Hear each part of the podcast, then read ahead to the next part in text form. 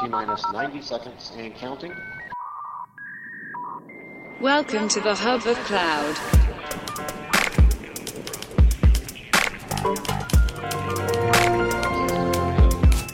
Hallå, hallå! Halloj! Hej! Äntligen tillbaka. Jajamän! Avsnitt nummer två av Cloudpodden. Nu är vi igång verkligen. Känns som att vi börjar bli varma i kläderna. Det är vi. Och idag har vi ju eh, en, en väldigt fin gäst hos oss. Vad ska vi prata om idag Niklas? Idag ska vi prata lite grann kring digitalisering och hur vi ser på det. Vi kommer gå in på hur man som företag kan förenkla och effektivisera sina processer genom digitalisering. Försöka inspirera andra helt enkelt att våga ta steget. För det känns som att många företag kanske backar lite för det. Eller vad tror du? Ja, det är en ganska, en ganska tung post som man bär eh, när man ska just göra den här resan. Det är ju mycket data som används och absorberas och ska liksom nyttjas på något sätt. Och, och det är ju en, en ganska tung roll att liksom skapa värde ur det här datat som man eh, samlar in då. Och det känns väl också som att många företag kanske inte riktigt tar tiden att tillgängliggöra rutiner som tidigare varit manuella, att automatisera dem. Gör man det idag?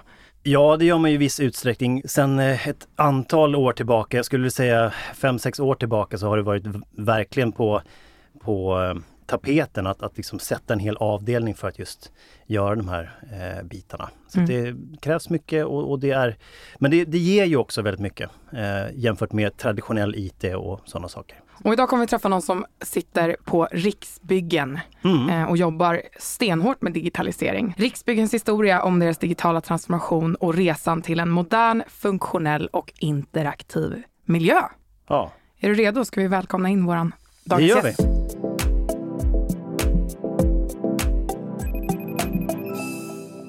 Så vid vår sida idag då Niklas har vi med oss Amir Shizari, CDO och CIO på Riksbyggen. Välkommen hit! Välkommen! Välkommen, Amir. Tack Malin, tack Niklas. Kul att vara här idag.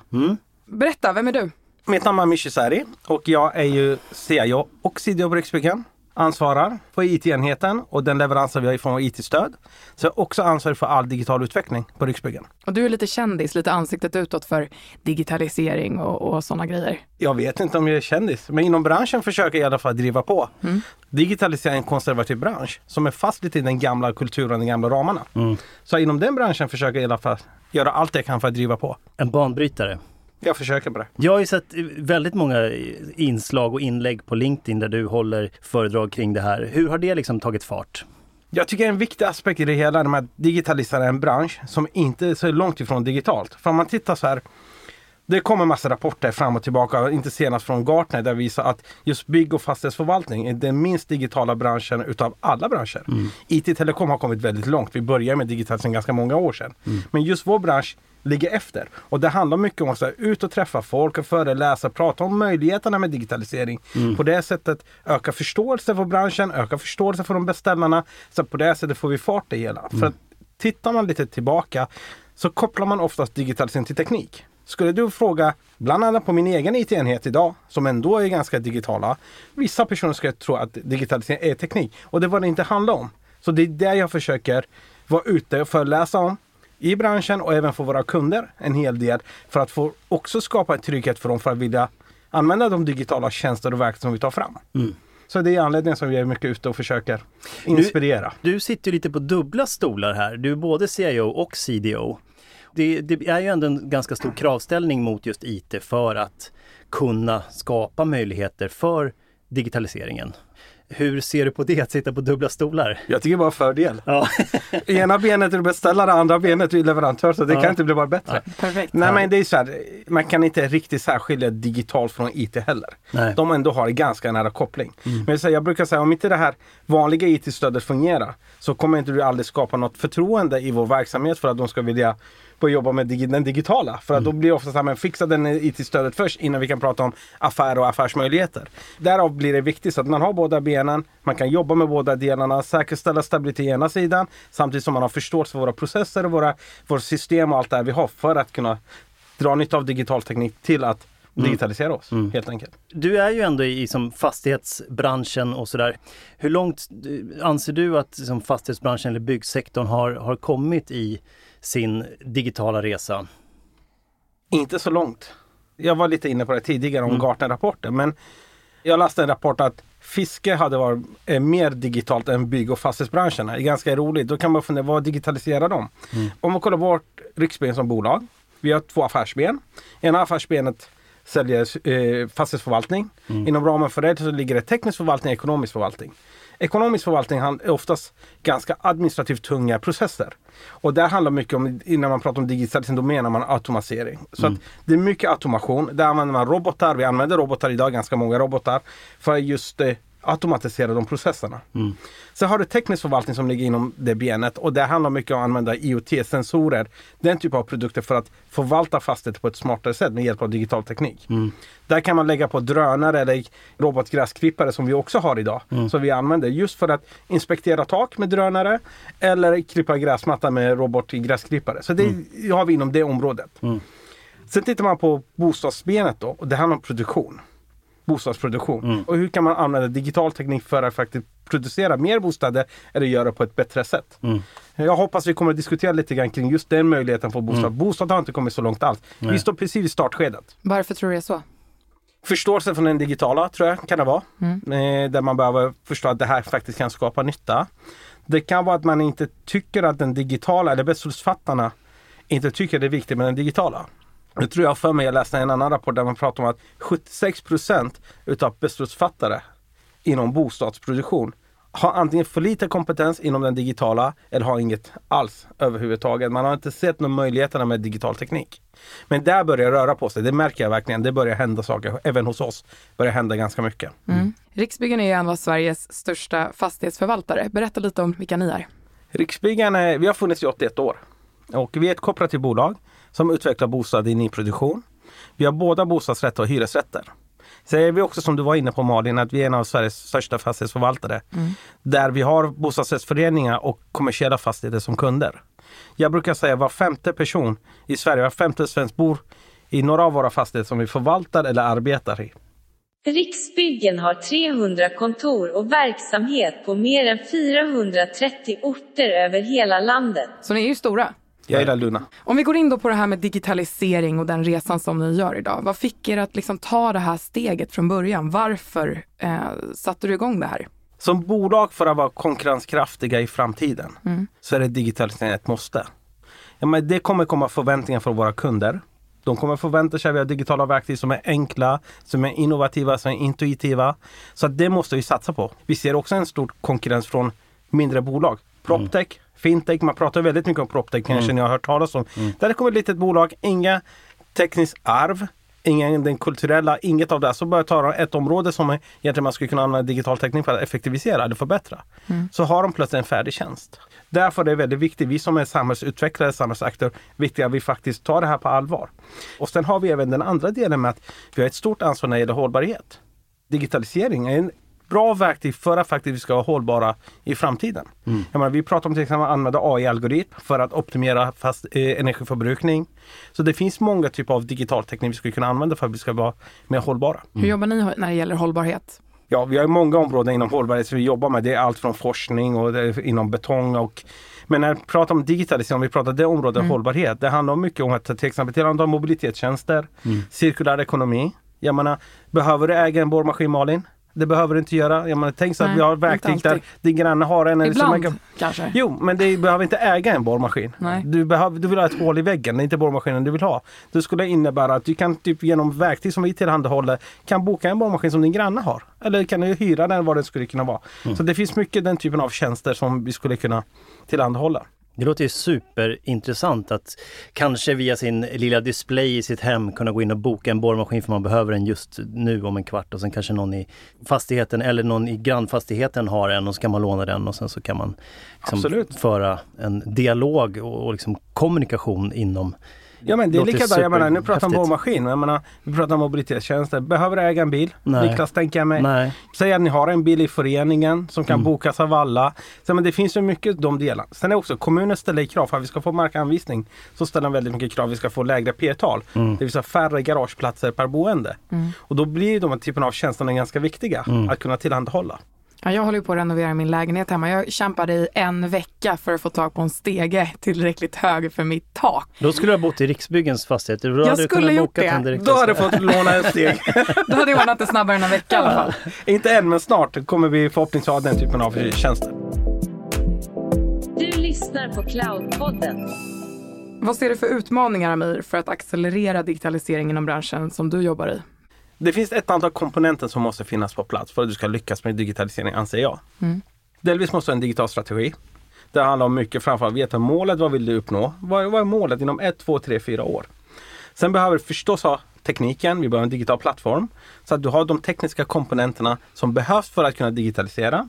Sen kommer mittenlagret som jag brukar oftast, har man tänkt sig den här triangeln, governance-modellen, då har du den strategiska, det är strategin. Du har den operativa, det är tekniken. Så kommer mittenlagret, den taktiska. Det handlar om människorna. Få med människorna på den här resan. Jag menar alla människor säger men jag gillar förändring så länge det inte rör dem.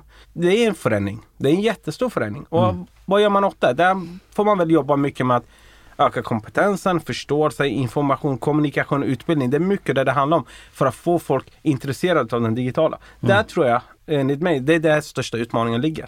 Få med sig människorna på en sån resa. Och det här liksom berör inte bara just den här digitaliseringsresan. Det berör ju egentligen allt inom ett bolag n- när det handlar om, om en förändring, att, att kommunicera och informera och entusiasmera folk att vilja ta till sig det här och tycka att det är häftigt. Det här brukar ju vara den största utmaningen. det berör ju varenda individ. Det berör varenda process. För att det här med stuprören försvinner lite grann. Du skär på, på en annan led. Du skär igenom alla processer. Du skär igenom medarbetarna. Allting skär du igenom. Så det påverkar. Det är därför jag brukar säga att digitalisering är inget som ska ägas av IT eller något. Digitalisering ägs utav hela verksamheten. Varenda Exakt. individ som jobbar i ett bolag försöka fånga, hitta ambassadörer. De som är duktiga, som brinner för det här. Försöka med dem få med resten av gänget. Sen håller jag med. Alla kommer inte hänga med i den Nej. utvecklingen. Det är jag ganska övertygad om. Och samtidigt så blir det också en väldigt bra kartläggning på alla processer och rutiner som man har idag på sitt företag. Vet man inte om dem så blir det väldigt svårt att liksom göra den här digitaliseringen och automatiseringen av eh, vissa typer av, eh, vad heter det? Processer? Ja, exakt. Ja. Så man får ju en väldigt bra kartläggning plus att man har chans att kanske eh, slipstreama vissa områden och göra det mer effektivt och sådana saker. Så att, eh, där ser jag som ett jättestort arbete som man behöver också ha i bakhuvudet när man gör den här vi- resan. Nu har vi kommit ändå en bit på vägen. Alltså, Jag är ganska glad över att för att vi bytte vårt affärssystem för inte länge sedan. Mm. Ett projekt som pågick ganska många år. Där var man tvungen att kartlägga allting. Mm. Alla processer hade varit kartlagda. Idag kan vi faktiskt i vårt ledningssystem bara gå in och kolla. Det här processen, hur funkar det? Då kan du se steg för steg exakt vad som händer. Mm. Så då är det mycket lättare faktiskt ta det här konvertera om till digital eller till automatiserad Mm. de processen. Det, blir mycket, det blir mycket lättare. Så där är det väldigt en förutsättning för att kunna lyckas med det. Mm, exakt. Du pratade om tre ben när det gäller liksom att lyckas med sin digitaliseringsresa. Det första benet som du nämnde var ju strategi. Hur, eh, hur jobbar du med den och hur ser den ut? Har du någonting du vill så här? Vi håller på av. just nu, reviderar, putsar vår digital strategi. Mm. Enkelt sagt det så här, vi kommer genomföra ett antal workshops tillsammans med representanter från vår verksamhet med olika typer av kompetens. Och de tillsammans ska egentligen definiera vad är digital strategi? Eller vad är digitalisering för oss på Riksbyggen? Vad ska en digital strategi innehålla? När vi pratar om digitalisering, pratar vi om automation? Eller pratar vi om effektivisera våra affärsprocesser och ta fram nya digitala tjänster. Eller prata om helt nya affärsområden, nya, eh, nya affärsmöjligheter. Det får man, kommer vi definiera. Men för oss, om du frågar mig vad digitalisering för mig är på Riksbyggen. Det handlar om, delvis handlar om att automatisera våra processer, effektivisera våra interna processer. Sen handlar det också om de affärsprocesser vi har, de tjänsterna vi levererar till våra kunder. Att ta dem och göra dem digitala istället. Istället för att du behöver ringa för att eh, få hjälp med en sak så kan du göra via en chatbot eller du kan ringa via vår hemsida. Komma åt det svaret du vill ha. Så en tredje benet som jag ser det handlar också om att dra nytta av data. Gå mer, mer och mer åt verksamhetsutveckling eller datadriven verksamhetsutveckling. Den insikten som vi skapar, som vi har i våra kunder och det datat från våra kunderna, tar fram nya affärsmodeller, nya möjligheter. Mm. Det är så jag ser de delarna i en digitalisering. Precis, och sen finns det ett annat ben i det här och det, det lutar kanske lite mer åt ditt CIO-ben och det är ju förvaltningen av det här datat och hur man samlar in det och, och eh, hanterar det för, för att man ska kunna lämna vidare till din andra roll. Eh, hur, hur ser du på förvaltningen av, av det här? Vad, vad anser du vara viktigt? Jag säger, data kommer vara den nya råvaran. Mm, För mig data är möjligheter och pengar. mm, Jag är övertygad, nästan 100% säker på att framtidens affärsmodell kommer att utgå från data. Mm. Och det vi har gjort hos oss det är att efter vi var klara med vårt affärssystembytet så drog vi ett nytt projekt som handlade om att hantera masterdata. Det vill säga definiera policies, definiera våra absolut viktigaste masterdataobjekt och sen ta fram lifecycle-hantering av det datat. Mm. Sen kommer ju förstås GDPR från sidan också som också ställer ganska stora krav på gallring och rensning och allt det här. Mm. Så att nu har vi det jag har bestämt hos oss, eller vi har kommit överens om i företagsledningen, det är att tillsätta en roll som enbart jobbar med information, jobbar enbart med data hos oss. För att säkerställa kvalitet från ax till limpa. Hur används data i våra processer? Hur anfärdas data genom våra, våra olika system? Ha den kollen på det datat. Så att det datat som finns där har, innehåller rätt kvalitet. Att vi kan visualisera den på rätt sätt. Att vi kan faktiskt visa nyttan av det. Och då går vi mer och mer åt datadriven verksamhetsutveckling. Och, och det där är ju extremt viktigt, just att så här, kvalitetssäkra sitt data. Det finns ju massor av olika mängder och typer av data. Eh, och just den klassificeringsdelen är också är, är ju jätteviktigt i och med GDPR och, och, och andra delar. Har ni jobbat mycket kring just klassificeringen av datat? Absolut. Absolut, det har vi. Vi har haft ett projekt som pågår fortfarande. Mm. Det jobbar vi mycket med. För det är, som jag sa, det är, datat kommer vara jätteviktigt för Mm. oss.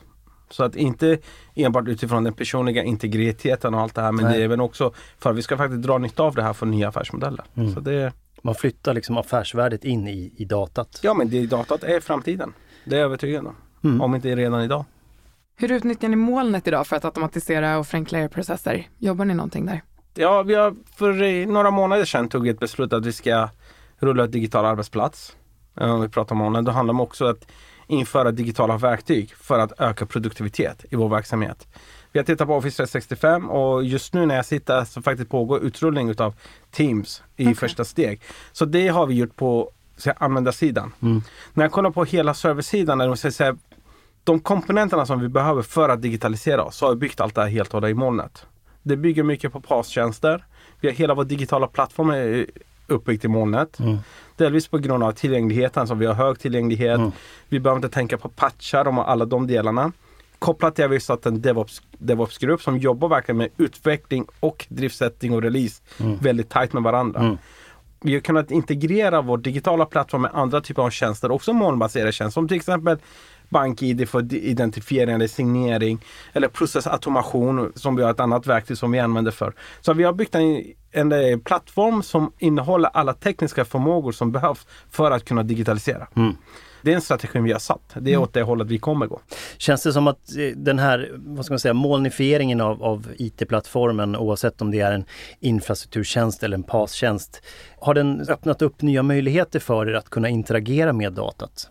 Jo, det har det gjort. Jag menar, just, vi kollar till exempel på Power BI som en produkt idag för att just analysera datat. Vi har faktiskt, vi började prata om det här för ungefär tror jag, två månader sedan om Power BI. Och då hittade vi ett par case. Kunna visa möjligheterna med Power BI just kunna, kunna analysera datat. Idag tror jag varenda människa som har någon yrke där i, i, i, hos oss som behöver analysera data har hört av sig. Jag vill gärna köra Power BI, jag vill gärna köra Power BI. För att det har ju underlättat oss. Och det var ju så här, komma igång med det. Det tog ju bara tre sekunder så var vi igång. Till skillnad från förr i tiden om du ska sätta upp hela Ja, on-prem-lösningen och allt det. Ja, men det, det är fördelen, så det går snabbt att komma igång.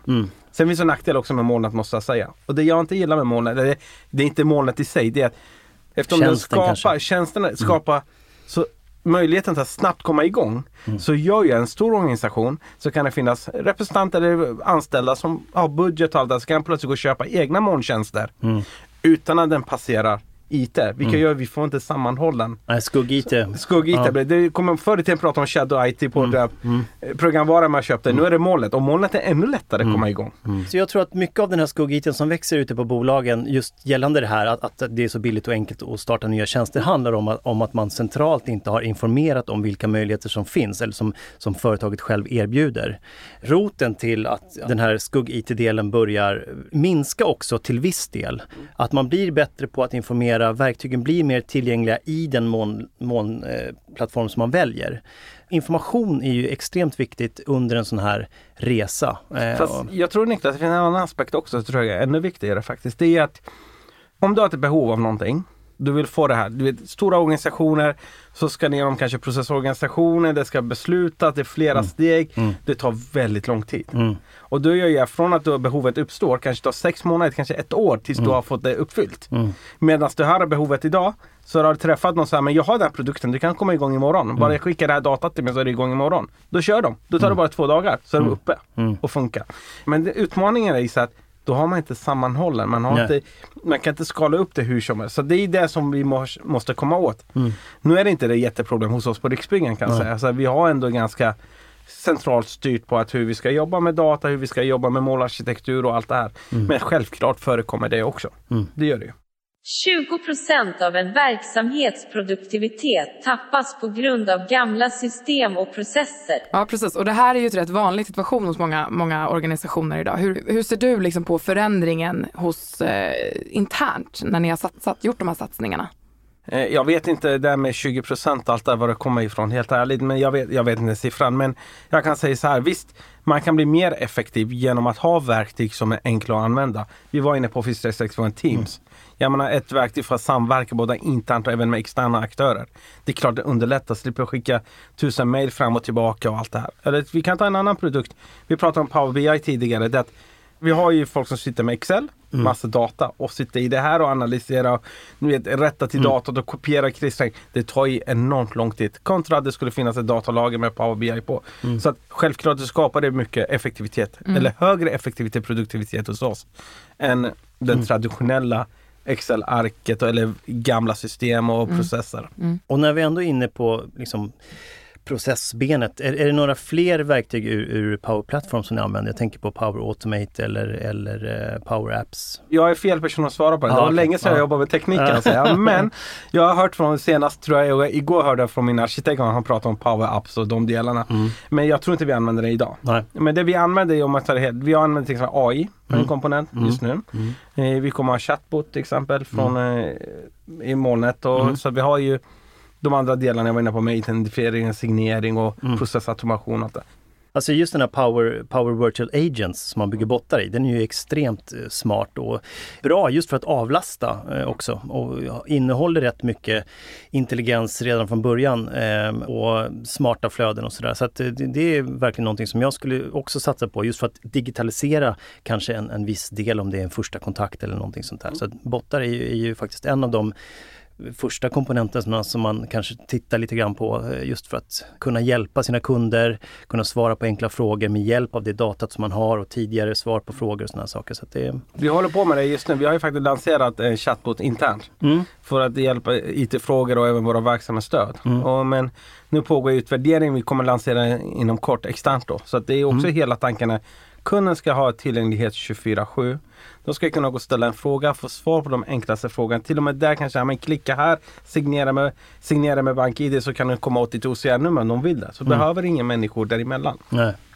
Så det hänger också ihop med att få med sig alla kunder att vilja använda digitala teknik. Och det var du också inne det. på Niklas, eh, att du ville sätta in någon sån liten chattfunktion hos oss, även på Retune. Ja, eh, absolut. Och det är ju supersimpelt. Jag tror jag demade den också på, på en dragning eh, och det är ju jätteenkelt att, att börja med. Men, men jag tror att den verkliga nyttan får man när man har kvalitativt data som man kan använda sig av i de här svaren som faktiskt kan hjälpa till med att, att göra nytta. Mm, Men sen är man sånt, men den kan ju lära sig löpande. Man får se det som, Ja, en, men så är det ju. som en praktikant som inte kan någonting alls. Och ju mer frågor man ställer så lär den sig. Så att man måste ta hand om den. Hallå, vi kan faktiskt massor. Luna alltså. Berätta lite om er digitala plattform som du pratat om här. Hur ska det skapa affärsnytta för er på Riksbyggen? Vi började bygga upp digitala plattformen för ungefär, tror cirka ett år sedan. Vi hade, jag sa så här, vad är bästa sättet att skapa en bra relation mellan vår verksamhet och digitalt? Istället för att visa massa fina powerpoint-presentationer och möjligheter med digital teknik så pratade vi ihop oss och valde en av de mest komplexa processerna som man skulle som var väldigt administrativt tung, som hade stor kundnytta och också hög grad av eh, effektivisering. Och självklart hållbarhetsaspekten också. Då sa vi, om vi tar den här processen, om vi lyckas visa att vi kan både effektivisera oss, skapa kundnytta och tjäna pengar samtidigt som vi sparar miljön. Då borde det här skapa en möjlighet för oss. I samband med det så sa man, men vi har ingen plattform att bygga det i. ja, men vi bygger en digital plattform som ska tillhandahålla den första processen. Då var det hela tanken, okej, den här processen kommer använda ett antal olika tekniska förmågor, tekniska komponenter, till exempel en signeringsfunktion. Vad bra, då bygger vi signeringsfunktionen eller integrationen vad det krävs i vår digitala plattform för den processen. Vilket gör nästa process som ska använda samma teknisk komponent. Då behöver inte knappt lägga pengar på att bygga den, för det finns ju där. Då får man se på legobitar. Så när vi får alla tekniska förmågor på plats, tack vare första processen, så kan vi nästa process, okay, vilka komponenter vill ha? Ta det som lego, bygg ihop den. Mm. Första processen kostar någonstans 8-9 miljoner. Men när den väl var klar sen så kunde ni använda dem som moduler och liksom 9 miljoner första process. Mm. Nu ska vi lansera fyra nya digitala tjänster. De tillsammans kommer inte ens i det beloppet. Mm. Det är det som har gjort att då blir digital plattform väldigt bra för oss. Mm. För att kunna integrera och använda de tekniska komp för att snabba upp eller accelerera transformationen. Mm. Det är ju på det sättet har den digitala plattformen hjälpt oss. Initialt sett så, så känns det som att det, det finns en viss tyngd som man behöver lägga för att liksom eh, hitta de här, skapa de här liksom, modulerna för att kunna göra det. Och sen så när man väl har gjort det så kan man återanvända väldigt mycket av det arbete som man har lagt ner. Precis. Mm. Det är inte alla bolag som är beredda att lägga 9-10 miljoner bygga en sån plattform. Nej. Sen måste man också titta på vad är ROI i det hela? Jag menar om du kan visa genom att investera 10 miljoner här kan du spara en första året 10 miljoner, 5 miljoner eller andra året. Då säger sig själv, då är det ganska enkelt att räkna hem pengarna. Vilket gör då kan man investera det. Så att det här var ett beslut som togs ganska, ja ett år sedan, ett och ett halvt år sedan ungefär. För att vi ska gå den vägen. Och jag menar hela den processen som vi digitaliserade All investering i digital plattform har ju redan betalat tillbaka i form av att vi har effektiviserat den så mycket.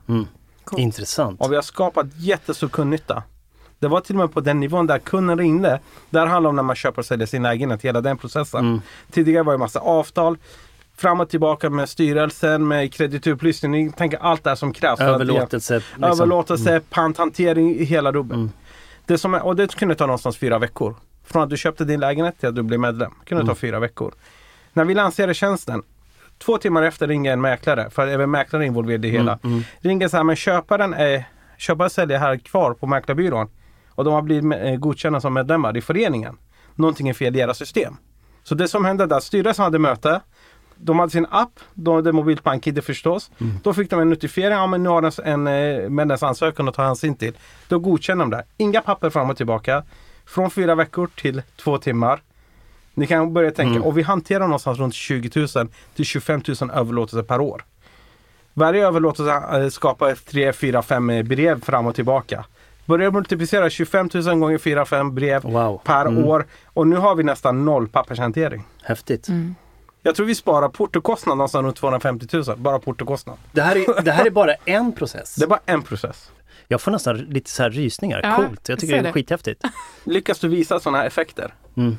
då finns det ingen företagsledning som skulle säga nej till att bygga en digital plattform och börja digitalisera. Men då måste du hamna där. Man måste Många- våga ta steget. Ja, och sen är också många säger tyvärr fortfarande pratar om teknik hela tiden. Man måste börja titta affärsnytta, kundnytta.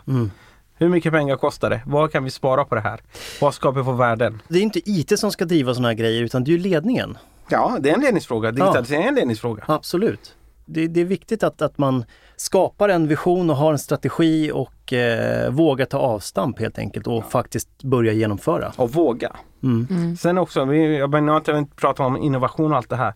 Vi måste börja främja innovation också. Man måste tänka nytt. Tänka utanför boxen. Mm. Bara för att vi har gjort en sak på ett sätt behöver inte fortsätta vara på samma sätt framöver. Nej. Måste våga utmana normerna. Varför tror du inte företag vågar göra det? Ja men det är väl bekväm. Ja men det är enkelt. Ja men vi har alltid gjort så här. Det funkar ju. Och sen kanske det kostar ska- pengar också. Ja, eller man inte har förstått det kanske kostar ännu mer om vi inte ändrar oss. Ja. Man förstår inte värdet av att faktiskt göra det. Jag tror det handlar om det mognadsgraden. Man ofta kör så digital mognad i olika organisationer. Ja, det tar tid. Men bolagen mognas också. Folk lär sig. Och de, vi är ju samtidigt jätteduktiga att ta till oss digital teknik privat. Mm. Varenda människa sitter med mobiltelefon och de har sin bank-id och de genomför dina bankärenden. När jag går till jobbet plötsligt. Nej, nej, vi ska inte syssla med sådana här grejer. Nej. Så det kan man bara fundera, varför är vi så duktiga på att ta till oss privat digital teknik men inte på jobbet? Du lyssnar på Cloudpodden. Du pratar ju väldigt mycket om att digitalisering är ett måste för att vi ska fortsätta vara konkurrenskraftiga framåt och attraktiva arbetsgivare egentligen också. Om du skulle ge någon liksom, företag tips där ute, vilka komponenter anser du vara viktiga för att lyckas med det här? De komponenterna, vissa av dem har vi redan inne på. Ja, men jag var inne på att prata om digital strategi. Det måste man ha. Och det ska inte vara en strategi som ägs av IT eller någonting. Det är en digital strategi som ägs av hela verksamheten. Det är alla som ska förhålla sig till det, sätta sina affärsplan och allting utifrån det för att vi ska bli digitala. För Vi var inne och pratade om kompetens, digital kompetens.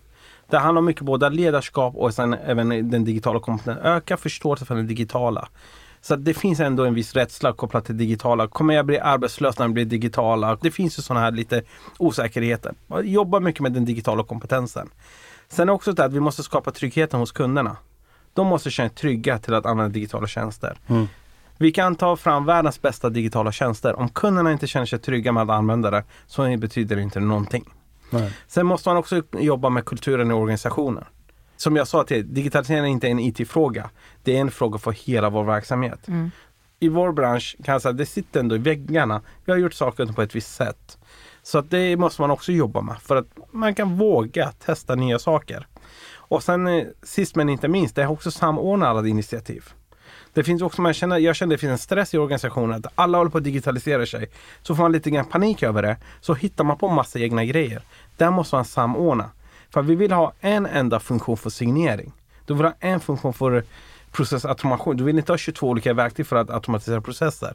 Så det är väldigt viktigt att man samordnar de här initiativen. Annars blir de kostsamma, långsiktiga, inte förvaltningsbara och inte minst GDPR och alla det. Ni, ni förstår hela den delen. Så det är vad jag tror behövs för att kunna lyckas. 59 procent av de företag som jobbar med digital transformation har bara kommit till de inledande faserna av arbetet. Ja, precis. Det var en global undersökning som gjordes av IDC som då omfattade 2000 företag i 23 olika länder. Men det här var från 2018 så det kan ju ha förändrats. Det är ju 2020 nu. Eh, men vad skulle du säga att ni ligger i för fas nu i er digitaliseringsresa? Jag tror vi ligger någonstans i början av den eh, transformationen. Det är jag ganska övertygad om. Men samtidigt känner jag att vi har kommit en bit på vägen jämfört med våra andra branschkollegor, vågar jag påstå. Vi har inte sett alla möjligheter som digitaliseringen skapar för oss. Men det här kommer ta fart. Det är jag övertygad. Det händer mycket hos oss. Så här, inom vissa områden mer och mindre än andra områden. Det handlar om mognadsgrad bara, så är vi igång där också. Ni har hållit på ungefär ett år. Alltså jag tänker med när ni tog avstamp egentligen och börja med den här första liksom, delen. Känner ni att ni har satsat rätt eller satsade ni fel? Har, har det varit mycket förändringar under den här resans gång som har gjort att det har bromsats upp eller releasedatum har blivit tvungen att skjutas på? Eller Nej, ingenting så. Vi började egentligen två år sedan. En sak som jag kan säga jag har lärt mig det är att vi började på högsta nivån och började köra workshop och definiera en digital strategi och allt det här. Mm. Sen visar sig efterhand, nej men det kommer inte, eh, det kommer inte rulla på bra. Och det måste också ta ett steg tillbaka, stanna upp, ta med sig resten av organisationen så att alla ska känna sig delaktiga. Börja jobba med resten av verksamheten också. Mm. Så det, det räcker inte bara högst att bestämma så här ska det vara. Där kanske man sätter, ja, men vi ska digitalisera oss, där är vadet. Så måste man komma till ett kliv ner och bara, okej, hur gör vi det här gemensamt? För som sagt, det påverkar arbetssätten, det påverkar alla människor, deras vardag. Så det måste man ha full respekt för. Du lyssnar på Cloudpodden. Hur får man med alla på den här resan? Jag tror inte man kan få med alla. Ja men det handlar mycket om så att det är inkludering. Mm. Var med och ta in allas aspekter Mm. i det hela. De ska vara med och tycka till och, och börja förstå vad det hela handlar om. Så tror jag du får med dig många människor. Inkludering, det är vad det handlar om. Men det pratar du också väldigt mycket om Niklas, det här med automatisering och att man faktiskt ska dra in liksom kollegor och medarbetare, för de sitter ju ändå på mycket kunskap om hur man jobbar idag internt och också kan liksom dela med sig av hur, hur det kan bli enklare. Ja men all kunskap sitter ju där ute, eh, ute liksom, längst ut på grenarna. Eh, det är där eh, allting finns egentligen som, som eh, liksom kommer i kontakt med saker och ting. Sen så samordnas ju det någonstans centralt med hjälp av en ledning och verksamhetschefer och sådana saker. Men det- är ju väldigt viktigt att, att man får in de här löven längst ut, att liksom deras insikt, deras processer och rutiner och alla de här sakerna som faktiskt möter kunder och möter eh, andra. Man kan säga så här Niklas, man kan eh, förenkla så här. Innovation står där ute. Mm. Det är där ute, det är de som nära jobbet som arbetar med i verkstaden. Det är de som kan komma med de innovativa idéerna. Exakt. Så det är också nästa grej i det hela. Man måste främja innovation. Låta folk våga testa. Göra det här. Så att, ja, men vi pratar mycket om hos oss hackathon, konceptutveckling. För att en smart idé. Det ska räcka att du ska göra det enkelt, skriva på en servett. Jag har den här idén. Och så bara köra någon canvas-modell och avgöra, är det här någonting att satsa på eller inte satsa på? På två timmar har jag avgjort det och sen men nu kör vi en hackathon på typ en dag eller fyra timmar. Tar man kunderna i det hela så bygger man ett koncept. Sånt har vi gjort. Och det går ju snabbt. Ja, men på en hel dag så kan du båda köra igenom affärsmodellen fast den håller, genomföra hackathon, ta fram ett koncept. Då vet du bara, det behöver inte ta längre tid än så. Och då har det man är ju lite också svårt. samlat jättemycket kunskap Absolut. kring det- verksamheten och vilka pains och liksom allting sådär. Det, det är ju supersmart. Vi har ett initiativ som pågår just nu eh, som är tillsammans med en av våra andra partner där vi pratar om det mest hållbara samhället. Det är en hackathon som pågår internationellt men minst kommer att vara 200 lag involverade. Där de ska ta den mest optimala algoritmen. Då pratar man verkligen innovation. Och där har vi tagit med experter från vår verksamhet som jobbar, i det här fallet har de optimerat energiförbrukning, som kan det här med energi. Man- Så sitter han från eh, digitalgänget så här, men det här, det här skulle vi kunna göra. Så säger han, men vänta nu. Så där funkar inte verkligheten. Så där kan inte ni tänka. Då får man den aspekten. Vilket gör ju faktiskt när du väl får den här AI-algoritmen fram, då kan du faktiskt använda det på riktigt. Det blir ingen IT-fråga. Nej, verkligen. Om vi scrollar tillbaka, om, om jag som företag står nu precis vid startlinjen och ska påbörja min digitala transformation. Vart ska jag börja? Mitt absolut första steg för att komma igång. Jag börjar ju faktiskt med att eh, träffa många hos oss och berätta om digitalisering. Det är där jag börjar. Sen beror på självklart, är man en Internt som då. kan den digitala, förstår sig på den digitala, eller när man pratar om teknik. Det är, det, det är viktigt att vara särskild. Börjar man, okej, jag pratar om digitalisering, jag förstår digitalisering. Då börjar man bara prata om det i verksamheten. Bara prata med folk som berörs av det här. Vi är bestämda, men vi måste ta ett kliv framåt och börja definiera vår strategi och allt det här. Så det blir ganska högt och då man börjar med de strategiska frågorna. Men jag tror så här, börja prata om digitalisering så att folk börjar förstå vad det innebär. Sen kan alltid vara till hjälp, ta in någon externt ifrån som säger samma sak som du har sagt och då landar det mycket bättre. Det kan jag säga en tips där. Ta hjälp av experter. Det finns många experter där ute som faktiskt kan det här med digitalisering, som har gjort den här resan. Så ta hjälp av dem. Och nästa steg, då, vad ska man göra sen? Kartlägga mognadsgraden i organisationen. Man kan delvis kartlägga branschen. Var står branschen någonstans? Och sen börja kartlägga var står vi någonstans i kontra i branschen. Och så kanske titta på andra branscher som faktiskt har digitaliserat sig. Och dra nytta av dem. Jag menar, jag brukar ibland titta på vad andra bolag, lastbilstillverkare har gjort. Jag nämner inga namn, som ändå kommer det i samma sak. En lastbil har sina eftermarknad och tillbehör och allt det här. En fastighet har sina eftermarknad och tillbehör, förvaltning och allt det. Så man kan börja titta på dem. Hur har de gjort då? Så det är en kartläggning av var branschen står och var bolaget står någonstans. Jag var inne på att involvera verksamheten och visa nytta med digital teknik. Var skulle digital teknik bidra med att vi blir mer hållbara? Var skulle digital teknik hjälpa till att vi blir mer effektiva eller spara pengar eller skapa kundnytta? Så det behöver man börja, föra de dialogerna. Sen också att se över processen för att göra det enkelt. Från en idé till att kunna konceptutveckla och faktiskt sätta det i produktion. Och det är också inne också inne med främja innovation och så. Så det behöver man också. Det är många komponenter som man måste jobba med. Mm. Så det är ingenting som kommer en dag. Det Nej. tar sin lilla tid för att komma dit. Och man Så man- måste ge den tiden. Precis, och man behöver ha lite tålamod. Absolut. Och på tal om tålamod då, det, det är någonting som man bör ha över ganska lång tid. Men var tror du Riksbyggen står om, om fem år? Jag tror så här, vi har kommit ganska långt vad gäller digitalisering. Mm. Det är jag ganska övertygad om. När, det gäller, när jag var inne på det här med ekonomisk förvaltning, där tror jag vi är väldigt digitala. Hon pratar mycket automation och så, eh, använda robotar och så.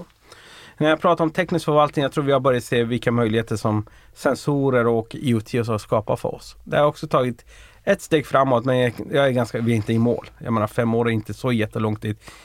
Det är lång tid för IT, för digitalt, men det är inte lång tid för stora organisationer. Så där behöver vi jobba med att förenkla det här för att snabbare kunna ta det klivet.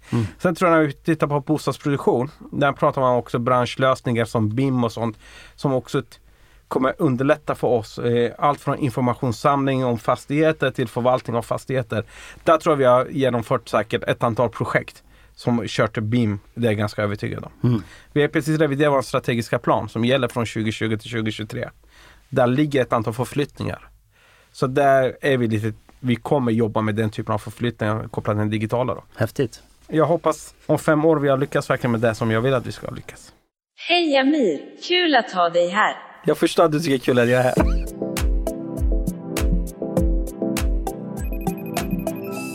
Det är coolt att höra din historia Amir och det är häftigt att ni tar den, den här, de här stegen som kanske inte många företag vågar ta. Ni, liksom, ni är orädda, ni tar täten. Det är att våga. Mm. Jag menar, vad är det värsta som kan hända? Ja, vad är det värsta som Det kan kan ju hända? bara bli Nej, bättre. Det kan bara bli bättre. Jag Ja. håller med.